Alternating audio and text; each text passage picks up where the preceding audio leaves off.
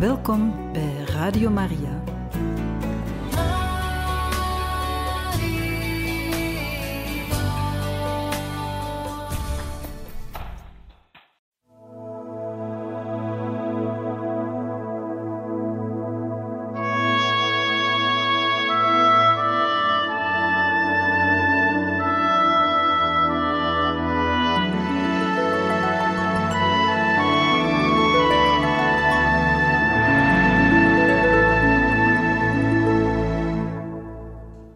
Luisteraars van Radio Maria, hartelijk welkom in dit programma Heilige Getuigen, waar wij verder gaan met de lezing van het leven van Ignatius van Loyola, geschreven door pater Jezuïet Raner. We zijn ondertussen gekomen bij hoofdstuk 15, De man in de zak, maar voorafgaand aan dit hoofdstuk herinneren wij ons dat Ignatius in een oorlog gewond is geraakt en weer genezen, maar dat ook zijn ziel een bekering heeft doorgemaakt. Hij wil nu op bedevaart naar Jeruzalem en onderweg komt hij in het Maria-heiligdom Montserrat, waar hij zich toewijdt aan onze lieve vrouw. Wij wensen u een deugddoende sessie toe. Hoofdstuk 15 De man in de zak. Nu had Inigo naar Barcelona moeten gaan, maar hij wilde nog eerst de inzichten die hij gedurende zijn nachtwaken verworven had en menige zin die hem in het boekje van Cisneros had getroffen, optekenen in zijn schrift. Daarom zocht hij voor enkele dagen een stille plaats en waarschijnlijk is het Ganones, zijn biechtvader geweest, die hem de naburige stad Manresa heeft aangewezen. Een paar vrome vrouwen van Manresa, waaronder Ines Pascual, die hem later zo moederlijk zou verzorgen, ontfermden zich over hem. Op de avond van het Mariafeest trok Inigo met zijn sandalen van bast aan de verwonde voeten over de oude Cardonerbrug, door de enge steegjes op naar het arme huis van Santa Lucia. Maar in plaats van enkele dagen rust werden het tien maanden van geestelijke troost, van zielekwelling en van mystieke ommekeer. Manresa werd de bakermat van zijn geestelijk leven. Weldra mocht de pelgrim, zoals hij zichzelf van nu af noemde, een kleine cel betrekken in het klooster van de vriendelijke Dominicanen.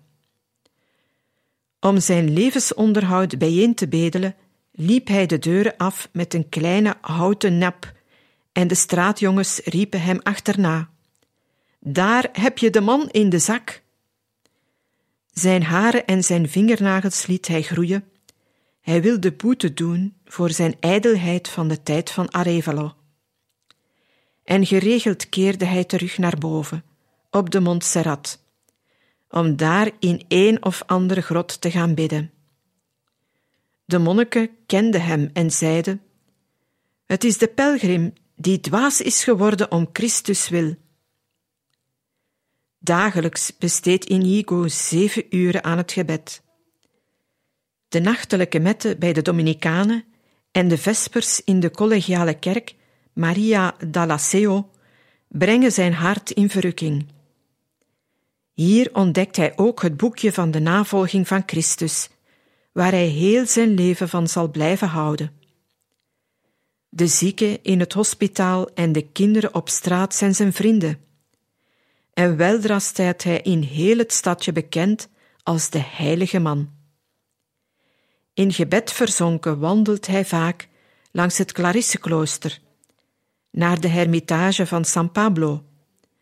Rust hij wat uit in het Mariakerkje van Villa Dordis of bij een van de vele kruisen die aan de kant van de weg staan. Het liefst van al echter trekt hij zich terug in een van de grotten aan de oever van de Cardoner, waarvan de toegang vaak met doornstruiken is dichtgegroeid. Daar is het stil. Vandaar heeft hij een uitzicht op de machtige Montserrat. Inigo heeft zijn woestijn gevonden. Geen wonder dat zijn krachten het niet langer uithouden bij deze ascetische overdrijvingen. In Manresa heeft hij zijn sterke gezondheid voorgoed geknakt. Zelf heeft hij later vaak gezegd: Ik ben in deze door schade wijs geworden. Tot tweemaal toe werd hij doodziek. Vrome vrouwen, die men al spoedig spottend de Injigas ging noemen, verzorgden hem tot hij weer genezen was. Zijn maagkwaal, in werkelijkheid zal dit wel het begin geweest zijn van de galsteenkolieken, waar hij zijn leven lang last van gehad heeft, placht Inigo te verzorgen met een paar gebeelde vijgen. Toen de gure winter intrad, wisten zijn vrienden hem te overreden een warm bruin kleed en schoenen en een muts te dragen. Zo is met Inigo in Manresa gebeurd, wat gebeurt met al diegenen over wie God zijn geest wil uitstorten. Eerst moet de bolster van het lichaam stuk geslagen worden. Hoofdstuk 16 Inigo's primitieve kerk Toen Inigo later, in de moeilijke ogenblikken van zijn studieleven te Parijs, aan de grot van Manresa terugdacht, noemde hij ze gewoonlijk zijn zalige primitieve kerk. Nu kwam inderdaad de Pinksterstorm over zijn hart. Niet alleen zijn ziekte verplichtte hem zo lang in Manresa te blijven, noodgedwongen moest hij afzien van zijn plan om nog in 1522 de bedevaart naar Jeruzalem aan te vatten. Daar de nieuwe paus Hadrianus VI, wiens vergunning hij voor die reis nodig had, pas op het einde van augustus, na een lange reis, te Rome was aangekomen. En bovenal werd hij hier met onweerstaanbare kracht weerhouden door de mystieke begenadiging, die hem in het midden van de zomer aangreep en hem zou herscheppen in een nieuwe mens met een nieuw verstand. De weg naar de mystieke hoogte was steiler dan de pelgrimspaden naar de berg van Montserrat. De eerste weken hield de troostvolle stemming van de nachtwaken nog aan. Maar weldra werd zijn ziel overvallen door een donkere nacht. Zijn overspannen zenuwen brachten hem bij klaarlichte dag wondere waanvoorstellingen voor de ogen, die zich soms urenlang bleven opdringen. Een glinsterende gedaante als van een slang met vele ogen, of het beeld van een lekker vleesgerecht, wat maar al te begrijpelijk was gezien zijn onbarmhartig vaste. Dat was echter nog te dragen. Maar inwendig werd hij opgevreten door een duivels sarcasme. Hoe kunt ge zo'n leven zeventig jaar lang uithouden? En hoe was dat toch ook weer met uw zondig leven? Een helse gewetensangst maakte zich van hem meester. Zoals iemand die kralen aan een draad rijgt, zo overweeg hij één voor één al de zonden van zijn verleden. Geen enkele biechtvader kon hem helpen. Hij vond geen smaak meer in vrome dingen. Voor hem gaapte er een woeste afgrond. Tevergeefs zocht hij zijn toevlucht in de kloven van de Montserrat, waar hij op handen en voeten inkroop. Tevergeefs overwoog hij in zijn nachtelijke gebedsuren de passie van onze Heer. Al de last van zijn bekering scheen hem nu zinloos. Dan wilde hij God de genade weer afdwingen door een week lang te vasten. Vruchteloos. Weldra stond hij aan de rand van de vertwijfeling en de zelfmoord. Als een schreeuw uit de diepte steeg zijn gebed op in Gods leegte. Kom mij te hulp, o Heer, want bij mensen en schepselen vind ik geen heil. Al zou ik ook een hondje moeten nalopen om hulp te vinden, ik zou het doen. God geeft hem antwoord.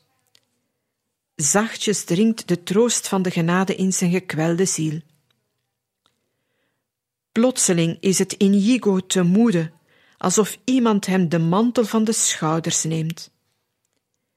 en in schroomvolle verrukking vraagt hij zich af: Wat is dat toch voor een nieuw leven dat ik daar begin? Het is hem alsof hij uit een droom ontwaakt. Vroeger in Loyola heeft hij reeds ervaren hoe Gods geest en de geest van de duivel in zijn binnenste strijden. Maar nu voelt hij veel scherper aan hoe God rechtstreeks in een ziel kan ingrijpen. Deze nieuwe ervaring was voor Inigo's ontwikkeling beslissend. Hij ziet grotendeels af van de overdreven strengheden in gebed en vasten. Hij knipt weer zijn nagels en zijn haar. De eerste uitingen van zijn later volmaakte discretie, die hem in staat zal stellen uit Gods eenzaamheid terug te keren tot de wereld. En nu breekt in een vloed van genade de geest over hem los. Het gebeurt op de trappen van de kerk der Dominicanen. Juist heeft de Angelusklok geluid als zijn geest van de aarde wordt opgeheven en onder de gedaante van een drievoudige citeraanslag of de toetsen van een clavicor het geheim van de drie-eenheid aanschouwt. Tranen van vreugde vloeien over zijn gelaat. Van nu tot aan het einde van zijn leven zullen Inigo's ogen ontstoken zijn door dit wenen voor God. Deze indruk was zo sterk dat hij hem heel zijn leven bijbleef en dat hij steeds een grote godsvrucht ondervond wanneer hij bad tot de allerheiligste drie-eenheid. In steeds geestelijker wordende beelden, oneindig verheven boven de zintuigelijke aanschouwingen van de vorige dagen, doorschouwt hij nu hoe God de wereld geschapen heeft en in haar werkzaam blijft. Hij schouwt, als zag hij ze voor zich, de mensheid van onze Heer, zijn heilige moeder en hoe Jezus in het sacrament tegenwoordig is. Dat is alles zo echt en zo roerend eenvoudig, zo geheel vrij van alle moeizame inspanningen van het zwaartillende verstand, dat Inigo deze nieuwe wijze van kennen alleen met deze woorden kan weergeven. In Manresa heeft God mij behandeld zoals een schoolmeester doet met een kind.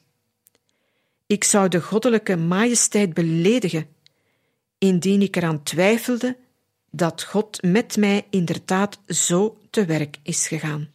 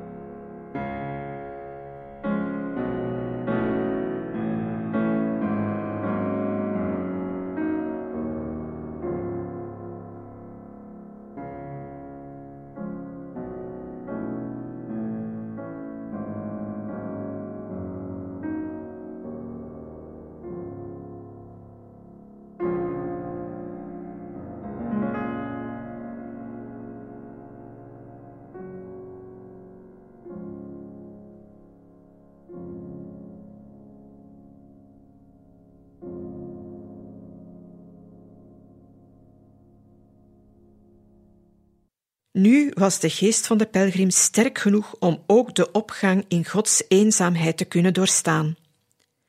Het gebeurde in september, op een van zijn stille wandelingen langs de oever van de Cardoner, bij het kruis del Tort, hoog boven de kluizenarij van San Pablo. Inigo heeft ons dit grootste ogenblik van zijn leven zelf verteld. Toen hij een eindweegs gelopen had, zette hij zich neer, het gelaat gewend naar de rivier, die in de laagte voortstroomde. Terwijl hij daar zat, begonnen de ogen van zijn geest zich te openen.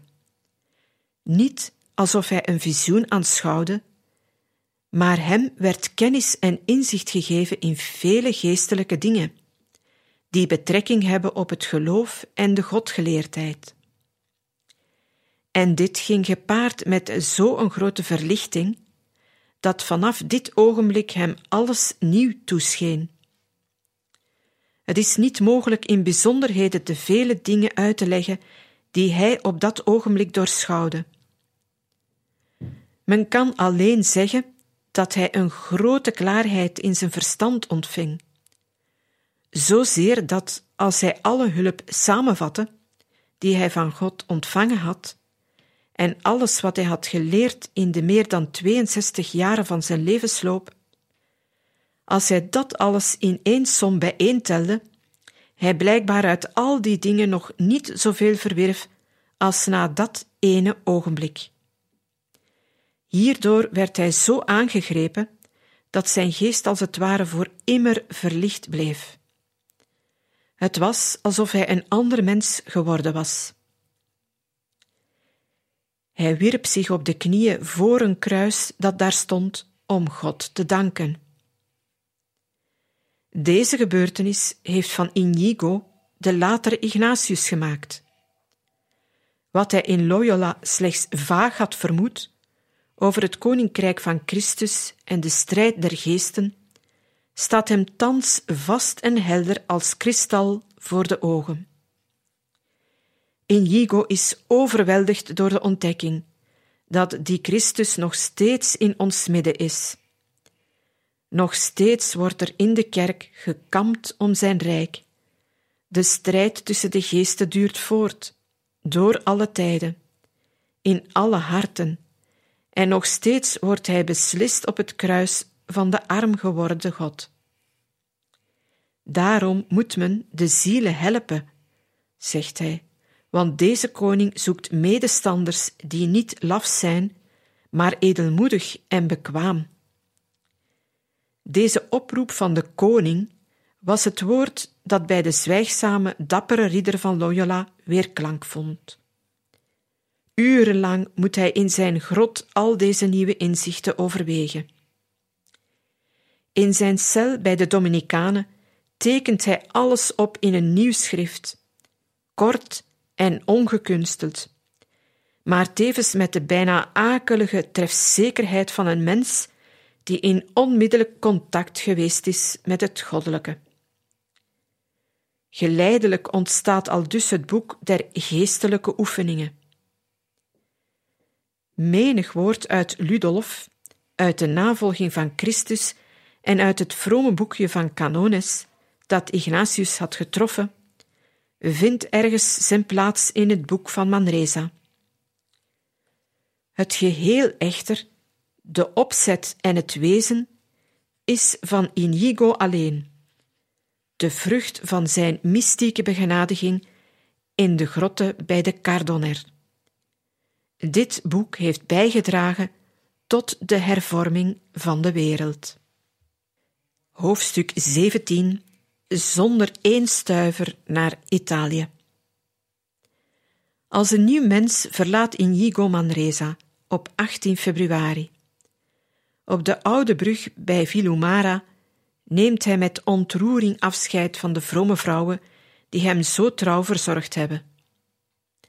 Als een kostbare buit draagt hij in zijn reiszak het boekje met de geestelijke oefeningen mee en op zijn borst een houten kruis dat hem nu naar Jeruzalem zal begeleiden. Ook het kleed dat hij tegen de zak van Igualada verwisseld heeft, is als een symbool van zijn ommekeer.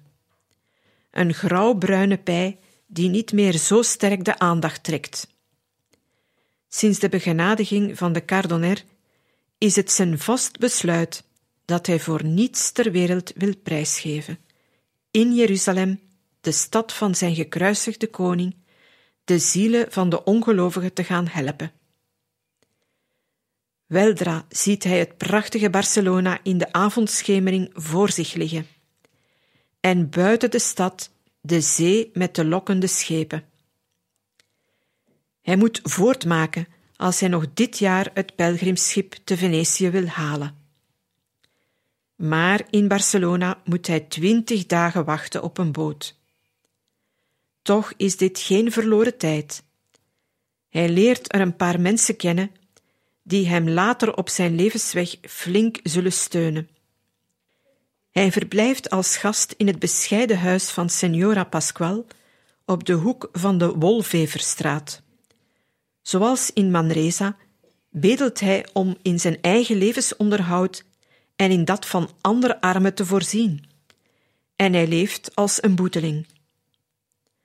Af en toe brengt hij een bezoek aan de kluizenaars buiten de stad, of houdt hij lange geestelijke gesprekken met zuster Antonia, de portierster bij de zusters van de heilige Hieronymus. Een van de ontmoetingen van deze dagen zou beslissend zijn voor Inigo's leven. Op zekere dag zit hij in de kerk van San Justo y Pastor, bij de treden van het koor, te midden van de kinderen, met stralend gelaat, te luisteren naar het woord Gods. Een voorname dame, Isabelle Roser genaamd, ziet hem met bewondering aan en hoort een inwendige stem die haar zegt: Roep hem, roep hem. Ze nodigde de wonderbare man uit aan tafel en werd van toen af voor Inigo als een moeder. Later zou ze de ordesgeneraal echter nog heel wat bittere uren bezorgen. Intussen kwam het erop aan een plaats te zoeken op een schip. Daarbij zat de pelgrim, zowel nu als tijdens heel de overvaart naar het oosten, slechts één gedachte voor. Het mocht niets kosten. Sin Blanca, zonder één stuiver, wilde hij, zoals later Don Quixote, op reis gaan. De laatste zes gebedelde muntstukken liet hij dan ook achteloos op een bank in de haven liggen. Zijn reisgeld bestond, zoals hij zelf zei, alleen in geloof, hoop en liefde. Hij had reeds een plaats op een brik gevonden toen Signora Roser hem aanraadde een groter schip te nemen, en ze gaf hem tenminste een voorraad scheepsbeschuit mee. Ze heeft Inigo's leven gered, want de brik kenterde reeds onmiddellijk na de afvaart. Op 16 maart 1523 zette het schip van Inigo koers naar Italië. Een paar bekenden uit Montserrat waren eveneens aan boord. Inigo zat meestal in een somber houten hok in het ruim, waar s'nachts bedronken soldaten aan de deur herrie kwamen maken. Na vijf dagen varen op een stormachtige zee bereikte hij Gaeta, de toegangspoort tot Italië.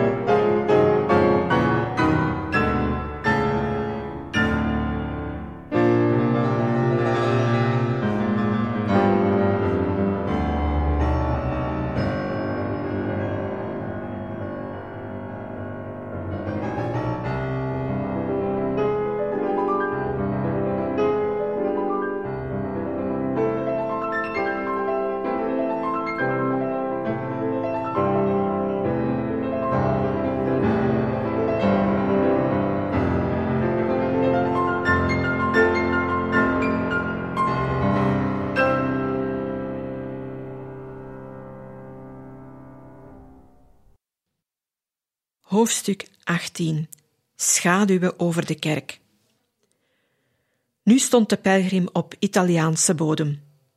Er heerste pest en onheilspellend dreigde het gevaar der Turken. Overal waren de kroegen en de stadspoorten dichtgegrendeld en Spaanse soldaten bezetten het land. Inigo was ontzettend moe van de overtocht, maar hij was niet van zijn voornemen af te brengen en ondanks de pijn aan zijn been vatte hij de lange reis naar Rome aan, waar een normaal voetganger vier dagen voor nodig had.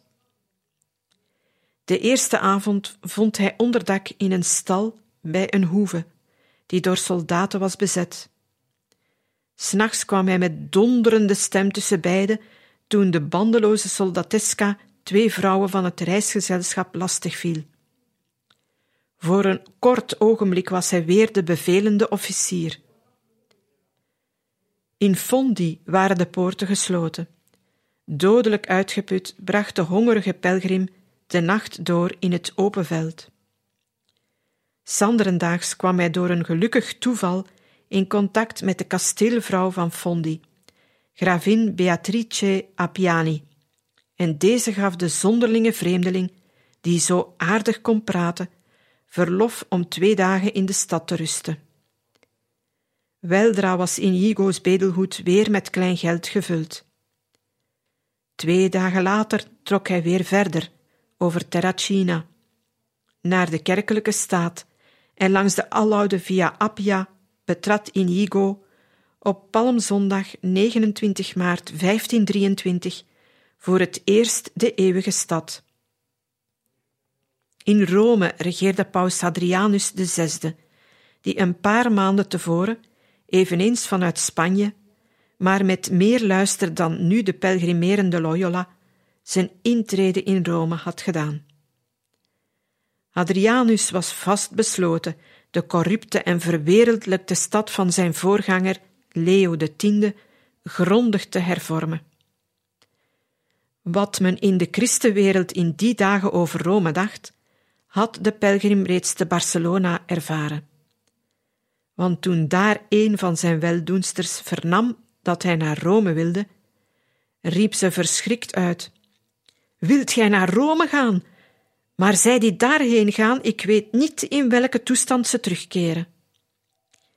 Inigo vond een onderkomen in het Spaans hospitium aan de Piazza Navona en ging onverwijld aan het werk om het enige te bekomen wat hem in deze stad ter harte ging: de vergunning van de paus voor zijn bedevaart naar Palestina. Waarschijnlijk was het te danken aan de hulp van de Spaanse kerkelijke ambtenaren die Hadriaan gevolgd waren en die door de paus juist in de loop van die maand in grote getalen terug naar huis werden gezonden, dat de zaak bij de administratie van het Vaticaan spoedig haar beslag kreeg. Want reeds na twee dagen had hij zijn vrijgeleide in handen. Pas op onze dagen heeft men in de bestoven documenten van het Vaticaans archief de tekst van het stuk teruggevonden, waarin verklaard wordt dat Enecus de Loyola, geestelijke uit Pamplona, op 31 maart de vergunning heeft bekomen voor de bedevaart. Hier komt dus voor de eerste maal de onsterfelijke naam Loyola voor in de akte van de Roomse Kerk. Niemand kon toen nog beseffen dat deze armzalige pelgrim voor Rome en voor de pausen meer zou betekenen dan alle pogingen die paus Hadrianus toen ondernam om de curie te hervormen en de vorsten van het avondland op te roepen tot een kruistocht tegen de Turken. Inigo was ongetwijfeld op de hoogte van wat in die dagen te Rome het onderwerp vormde van alle gesprekken. Op 21 december 1522 was Rhodos, het eiland der ridders, in de handen van de Turken gevallen. Op kerstdag veranderde de sultan Soliman II alle christelijke kerken aldaar in moskeeën. En de Janitsaren schreeuwden zegedronken op naar Rome. Italië beefde. Hongarije stond op de rand van de afgrond. De paus poogde in allerijl de keizer met Frankrijk te verzoenen. Te vergeefs. dezelfde dag dat Inigo de zegen ontving over zijn reis, bereikte de hooghartige weigering van de Franse koning het Vaticaan. De pelgrim heeft toen zeker aan de woorden gedacht die hij bij Ludolf van Saxe gelezen had. Bedroevend zijn de nalatigheid en de lafheid van de christenvorsten, die het heilige land dat de Heer met zijn bloed heeft geheiligd, niet aan de handen van de vijanden willen ontrukken. De zoon van Loyola rustte zich uit voor een kruistocht van een heel eigen aard. Nog een andere schaduw lag over de kerk. Aan de ene kant dreigt de Turk, aan de andere Luther, meldt een bericht uit deze dagen. Hadriaan wist dat deze razende storm in Duitsland niet meer te bedaren was. In dezelfde maand maart waarin Inigo in Rome aankwam, arriveerde daar ook Luthers felste tegenstander, meester Johan Eck. De nota die hij de paus overhandigde, klonk als een wanhopige hulpkreet. Dat Hadriaan toch onmiddellijk de Romeinse curie zou hervormen en alle wantoestanden, die hij zelf kort tevoren op de Rijksdag van Nuremberg met ontstellende oprechtheid had toegegeven, zou uitroeien. Juist in dit voorjaar liet Luther zijn schaamteloos pamflet tegen de paus-ezel verschijnen. En de berekende lafhartigheid van Erasmus was voor Hadriaan een diepe ontgoocheling. Een paar maanden later, op 14 september, zal de paus zijn hoofd neerleggen. Juist op die dag zou Inigo bidden bij de Jordaan waar de doper eens gesproken had van de bijl, die aan de wortel gelegd wordt. Rome staat inderdaad aan de vooravond van het verschrikkelijk strafgericht, in de geschiedenis bekend onder de naam van Il Sacco. Op het eerste graf dat men voor de overleden paus in de Sint-Pieter had laten bereiden, stond geschreven: Hier rust Hadrianus zesde, die het als het grootste ongeluk beschouwde te moeten regeren. Maar in Jeruzalem, op het graf van zijn deemoedige koning, knielt Inigo van Loyola neer, die geroepen is om het pausdom te hulp te komen.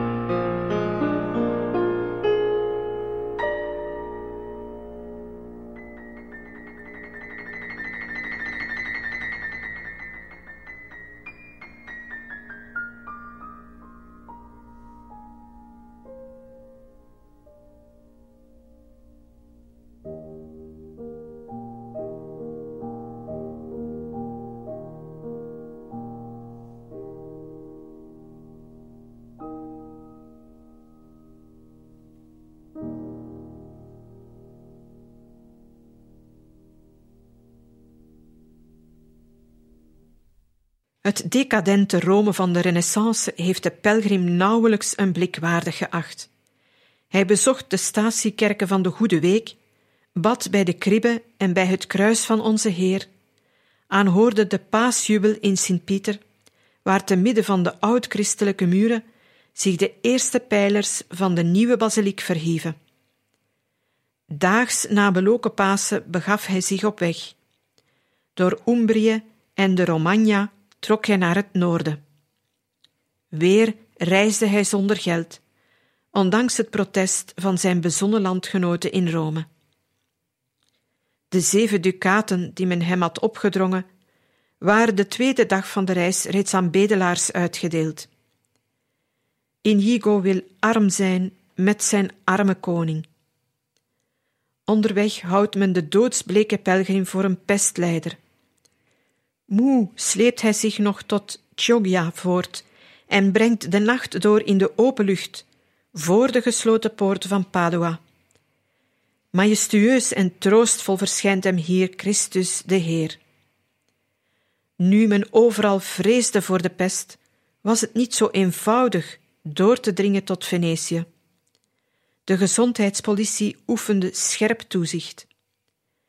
Maar even naïef als eertijds de Poverello van Assisi, vertrouwde Inigo in al deze dwaze dingen van de wereld enkel op Gods hulp. In Padua, de geleerde stad van de geneesheren, had hij het voorgeschreven gezondheidsattest niet eens nodig, zoals ook in Venetië de bewakers op de gondels hem ongemoeid zullen laten. Na een voetreis van ruim vier weken kwam hij al dus tegen het midden van de maand mei bij de San Marco aan. De laatste stuivers die hij had overgehouden waren juist voldoende voor de eerste nacht.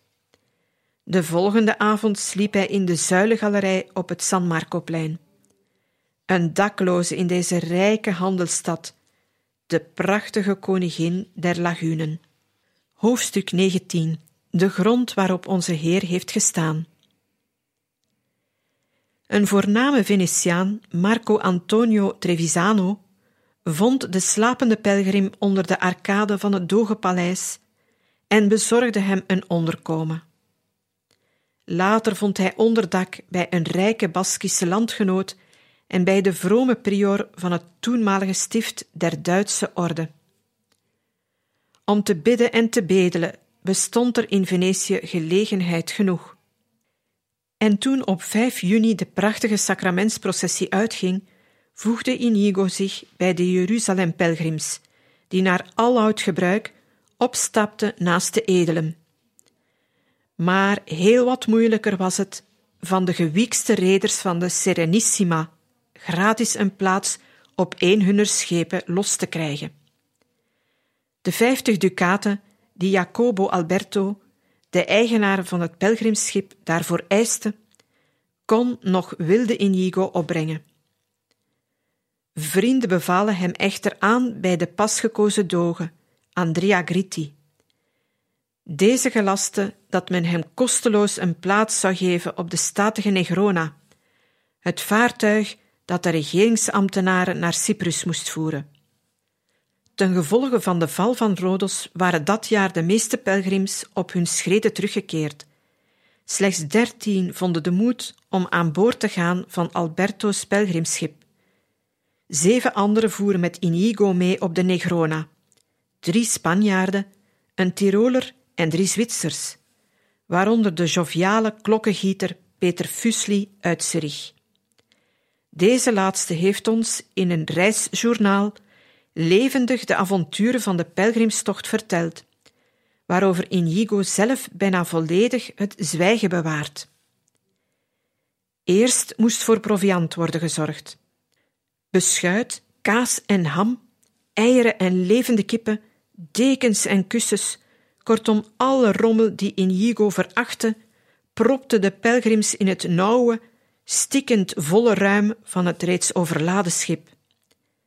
Weldra wapperde op het San Marcoplein de witte pelgrimsvlag met het rode kruis, het teken voor de afvaart. Op dat ogenblik lag Inigo ziek, met hoge koorts en de dokter zei dat hij gerust mee kon reizen, als hij absoluut in volle zee begraven wilde worden.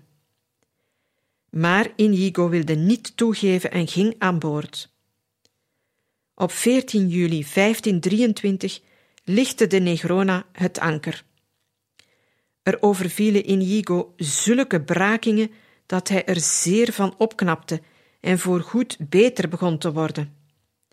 En van de ruime voorraden van zijn reisgenoten bleef wel een beet over voor de arme Spanjaard. Zijn proviand was zijn vertrouwen op God. Zijn troost en kracht in deze wekenlange broeierige hitte op een slappe zee was zijn Heer en Koning, die hem herhaaldelijk in een gouden glans verscheen. Vier lange weken had de Negrona nodig om de haven van Famagusta op Cyprus te bereiken. Aanvankelijk waren ze van plan verder te varen naar Beirut, maar dit was niet mogelijk wegens de pest die in Syrië woedde. Daarom moesten de pelgrims naar het zuiden rijden om in de haven van Salinas in Larnaca het pelgrimschip van Alberto te bereiken, dat op 19 augustus onder zeil ging en pas de 31ste na veel moeilijkheden bij Jaffa kon aanleggen.